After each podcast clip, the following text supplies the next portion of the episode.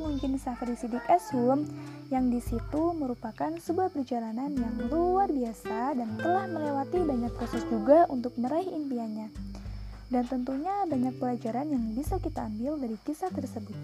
Oke, langsung aja ini kisah perjalanan meraih impian Kak Munjin yang berjudul Pendewasaan Impian. 51 hari lagi saya akan berumur 24 tahun. Masyarakat kita, masyarakat kita menganggap angka itu sebagai simbol kedewasaan seseorang. Angka di mana seorang anak lelaki berubah menjadi pria dewasa. Dalam hemat saya, dewasa berarti paham akan tanggung jawab sesuai dengan peran yang dia pilih dalam kehidupan bermasyarakat. Tanggung jawab ini pun macam-macam, seperti tanggung jawab pada dirinya sendiri, orang tua, sanak saudara, masyarakat, negara, dan bahkan tanggung jawab kepada Tuhan. Tak bisa dipungkiri, budaya sosial kita telah mengikat setiap orang untuk terlibat aktif dalam kehidupan bermasyarakat. Misalkan, seseorang gagal dalam memilih perannya, maka otomatis dia akan dicap sebagai orang yang tak berguna.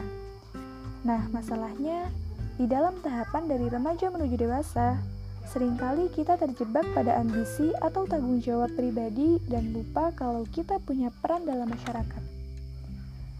Pokoknya mau jadi apa aku, ya terserah aku. Kurang lebih begitu ego seorang remaja. Maka dari itu sebagai gambaran, meskipun saya juga masih berproses seperti kalian, saya akan bercerita tentang pengalaman saya dalam memahami apa sih sebenarnya mimpi saya itu yang pada akhirnya nanti akan menentukan peran saya dalam masyarakat. Mungkin kalian bakal menemukan sesuatu. Hehehe. Sejak kecil, bapak dan ibu saya selalu mendukung penuh minat dan bakat saya. Namun, yang paling terlihat, mereka berdua selalu mendorong saya untuk menjadi akademisi. Dulu saya ingat, waktu saya SD, ibu saya selalu berusaha mencarikan tutor pribadi untuk menemani belajar saya setelah pulang dari sekolah. Beragam ondor pilnya saya rangkai dan saya berhasil menghidupkan sebuah lampu. Masuk ke SMP, keluarga saya pindah ke sebuah desa, tempat nenek saya tinggal di Magelang. Oleh sebab itu, saya harus rela meninggalkan segala kemewahan fasilitas yang saya peroleh waktu di SD dulu. Saya sekolah di SD favorit kota saya tinggal. Terlebih lagi setelah itu, saya dimasukkan ke sekolah pesantren, di mana segala akses menjadi terbatas dan dunia saya seakan menjadi tertutup. Waktu itu keadaan pesantren belum seperti sekarang. Pada masa ini pun, bapak ibu saya berpisah yang pada akhirnya membuat saya kehilangan arah dan menjalani masa-masa remaja tanggung seadanya. Bisa dibilang, masa SMP adalah tonggak pertama saya mulai memahami kehidupan yang sebenarnya. Jangankan cita-cita, bisa hidup setiap hari tanpa memikirkan betapa sialnya nasib saya waktu itu saja sudah beruntung sekali. Sungguh tak enak rasanya mengingat masa-masa itu. Beruntungnya, saya punya pelampiasan untuk segala emosi saya waktu itu, musik. Meski saya di pesantren, saya nekat membeli sebuah gitar dari uang bulanan saya. Setiap malam, saya menyelinap keluar dari area pesantren dan mulai sibuk berhanyut pada gitar saya. Saya yakin waktu itu pengurus asrama tahu jika saya menyimpan alat musik yang sebenarnya tak diperbolehkan. Tetapi saya pikir mereka membiarkan hal itu supaya saya tak tertekan dengan segala hal yang menimpa saya kala itu. Masuk SMA, kecintaan saya terhadap musik pun semakin menjadi. Di sinilah pertama kalinya setelah impian menjadi ahli mesin di SD dulu pupus, saya mulai menemukan kembali impian saya. Saya ingin menjadi musisi go internasional. Lumayan melenceng jauh sih. Masa-masa SMA ini, saya sudah tidak di pesantren sehingga saya bisa fokus dengan impian saya menjadi seorang musisi. Waktu itu, hampir setiap hari selepas pulang sekolah, saya dan teman-teman band saya selalu berlatih di studio sewaan. Harga sewa 25.000 per jam tidak ada apa-apanya dibanding impian kami untuk dapat manggung di panggung rock and ring. Patungan uang saku telah menjadi hal yang biasa, Bahkan, kami sering merelakan jajan seadanya demi bisa menikmati fasilitas studio. Pokoknya waktu itu ngeband harga mati. Di titik ini kami atau khususnya saya belum berpikir jauh bahwa untuk menjadi musisi go internasional tak cukup berlatih setiap hari dan nonton konser ke sana kemari. Jangankan bikin album, wong lagu saja baru punya satu, itu pun bagian verse kedua belum ada liriknya. Tulisan impian saya menjadi musisi di buku kenangan SMA. Impian menjadi musisi itu pun perlahan memudar tatkala saya lulus dari SMA. Pertemuan saya dengan orang-orang hebat yang membukakan pikiran saya. Impian saya untuk menjadi musisi pun sedikit demi sedikit mulai saya tinggalkan. Dari seorang musisi, impian saya berubah ingin menjadi akademisi, khususnya di bidang sastra. Kebetulan saya juga punya minat tulis-menulis. Lalu, bagaimana caranya untuk menjadi akademisi sastra yang hebat? Tentu, saya harus masuk kuliah. Tak tanggung-tanggung, saya segera menetapkan impian bahwa saya harus kuliah di perguruan tinggi favorit, di mana bayangan saya waktu itu, jika saya berhasil masuk, saya bisa bertemu dengan banyak orang hebat di sana. Mati-matian saya mengejar impian saya untuk kuliah ini. Lah bayangkan saja, di SMA dulu, meski saya tergolong murid yang selalu masuk ranking 5 besar, hehehe, saya termasuk murid yang dablek dalam hal pelajaran, apalagi bahasa Inggris. Kok tiba-tiba saya nekat mau masuk perguruan tinggi favorit? Sampean waras, Mas. waras rawaras akibat dorongan dan motivasi dari orang-orang hebat yang saya sebutkan tadi saya jadi terpacu dan sangat yakin jika saya mampu masuk ke perguruan tinggi favorit. Pokoknya segala cara saya upayakan. Mulai dari belajar matematika dasar lagi, hafalin kosa bahasa Inggris setiap hari, sampai muter-muter memahami pola gambar untuk menghadapi soal TPS. Ya, pada akhirnya saya diterima juga di perguruan tinggi favoritku. Meski bukan di jurusan yang benar-benar saya inginkan, minimal masih berbau sastra, jadi, dengan segenap hati saya coba untuk survive dan belajar banyak hal tentang kebudayaan Jawa. Yap, saya diterima di di jurusan sastra Jawa. Selama di perkuliahan, meskipun saya asyik dan terbius belajar sastra, semangat untuk ngeband yang dulu pernah padam pun perlahan mulai membara lagi. Ini terjadi karena di kampus itu adalah pertama kalinya saya menemukan arti kebebasan yang sesungguhnya. Saya banyak berkawan dengan bermacam jenis orang yang juga berbagai jenis pula pemikirannya. Akhirnya, selama di kampus, fokus saya cuma dua hal.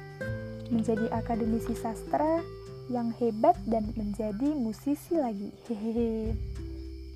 Maka dari itu, selama di kampus, saya jarang sekali mengikuti kepanitiaan-kepanitiaan kecuali kepanitiaan yang diwajibkan jurusan yang di mana banyak teman-teman saya berlomba-lomba bergabung dan berharap memperoleh pengalaman darinya.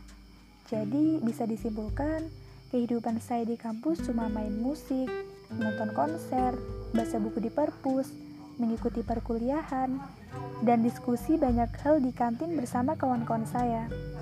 Namun sebenarnya bisa dibilang itu baru kehidupan yang di kampus. Di luar kampus, kehidupan saya lebih ngeri.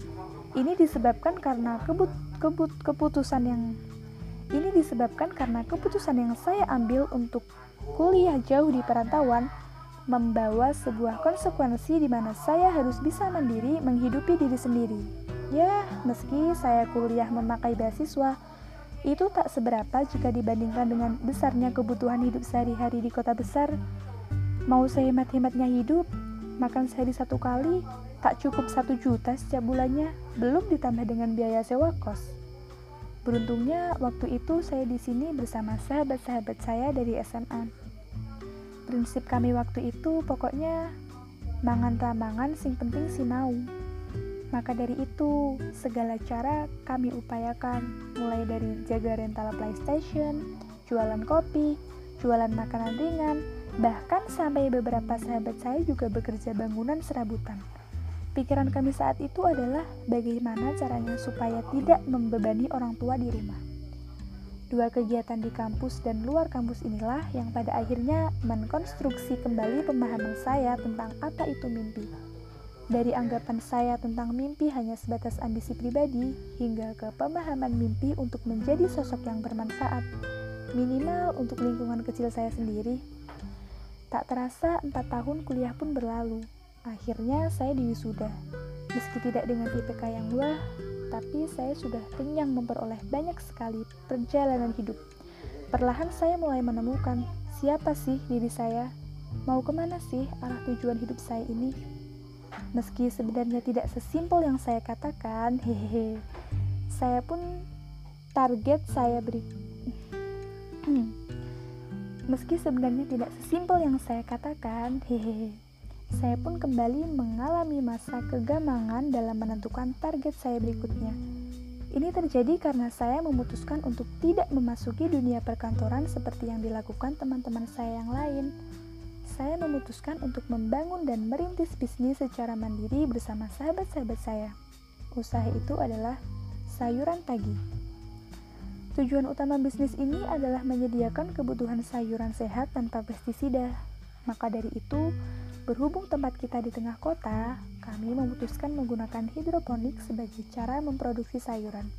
Keputusan saya untuk terjun di bidang ini pun juga tak datang begitu saja.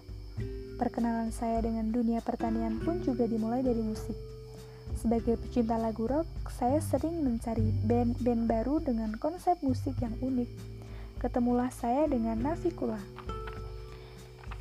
sebuah band rock dari Bali yang membawa movement message keberlanjutan lingkungan. Saya sangat terinspirasi oleh sosok Robbie, vokalis dan gitaris Navikula Selain menjadi musisi, Robby juga terjun langsung ke lapangan sebagai petani. Begitu juga dengan kehidupan sehari-harinya yang menerapkan zero waste. Karena itulah, setelah melewati berbagai pertimbangan yang berat, bahkan diskusi sana-sini, juga meminta restu orang tua, dengan tekad dan keyakinan yang kuat, saya memutuskan untuk terjun menekuni dunia pertanian dan pestisida, salah satunya melalui hidroponik ini. Meski begitu, saya tidak hanya fokus kepada kegiatan tanam menanam saja. Berbagai skill yang saya pelajari selama kuliah di sastra, saya gunakan untuk membangun literasi tentang pertanian berkelanjutan. Maka dari itu, saya juga fokus kepada dunia tulis-menulis.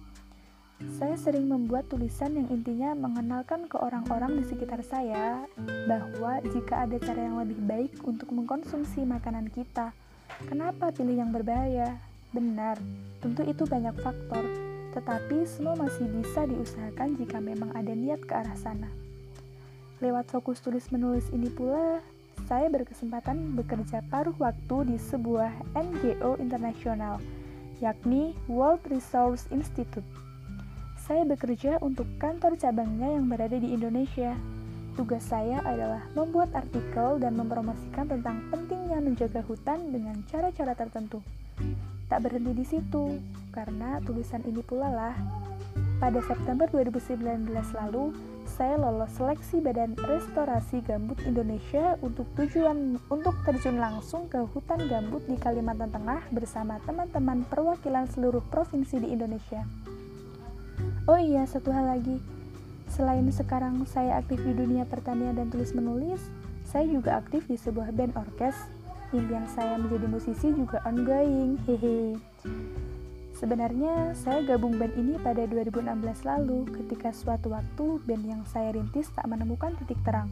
Alhasil saya direkrut band orkes ini dan syukur band ini masih terus berjalan dan semakin menunjukkan perkembangan yang positif. Sebentar lagi selepas lebaran 2020, kami bakal rilis mini album sekaligus bikin tur kecil di Jabodetabek. Semoga tak terhalang apa pun. Jadi, apa yang disimpul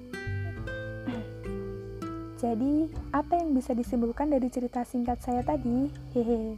Silahkan simpulkan sendiri.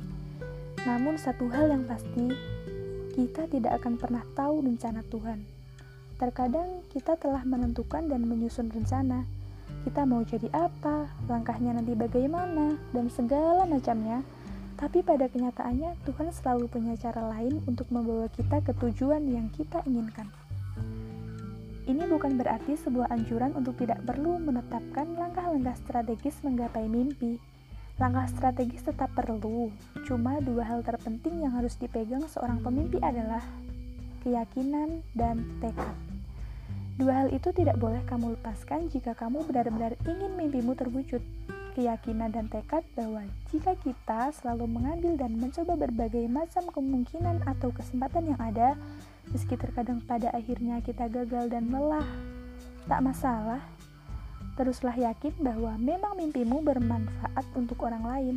Pasti Tuhan akan menunjukkan jalannya. Jadi, di akhir cerita ini, saya juga mau bilang, belum tentu semua hal yang saya lakukan di atas akan membawa sebuah manfaat yang besar. Ingat rencana Tuhan lebih hebat.